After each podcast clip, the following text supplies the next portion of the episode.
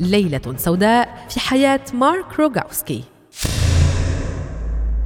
مارك أنتوني جيتر روغاوسكي متزلج أمريكي محترف سابق أدين بجريمة قتل. كان بارزا بشكل رئيسي في الثمانينيات وأوائل التسعينيات.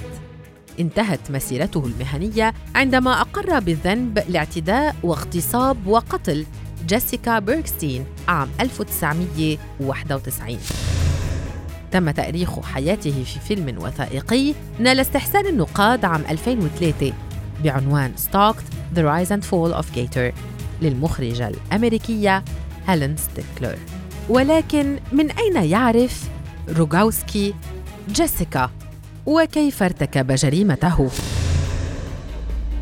عام 1987 كان روغاوسكي على علاقة ببراندي ماكلين وصديقتها الطيبة جيسيكا بيركستين وهي عارضة أزياء طموحة. وبعد انفصاله عن ماكلين شعر روغاوسكي بالغيرة.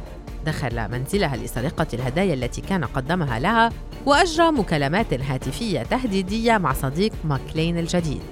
كما هدد ماكلين مباشرة فأبلغت ماكلين الشرطة عن سلوك روغاوسكي. قدموا بلاغا لكن لم تتم مراقبة الوضع بشكل مستمر.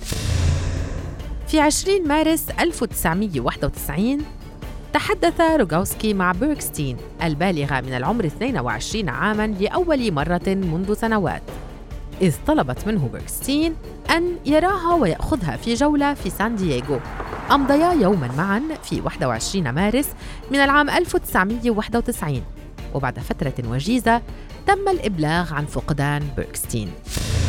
وفقا لروغاوسكي عاد وإياها إلى شقته لمشاهدة الأفلام وتدخين الحشيش وشرب النبيذ. اعترف بأنه جاء من خلفها وضربها على رأسها بجهاز معدني مضاد للسرقة. بعد أن أصابها وأصبحت شبه فاقدة للوعي بعد عدة ضربات على رأسها قام بتقييد يديها. وسحبها إلى غرفة نومه في الطابق الثاني واغتصبها وهي مقيدة إلى سريره. بعد ذلك وضعها في كيس لوح التزلج لأنه كان قلقا بشأن سماع الجيران للضوضاء. وضع روغوسكي يده على فم بيركستين حتى توقفت عن التنفس. ثم أخذ الجثة إلى صحراء شاب كانيون وتخلص منها. سلم روغوسكي نفسه في الحادي عشر من أبريل 1991 وقاد الشرطة إلى قبر جثة بيركستين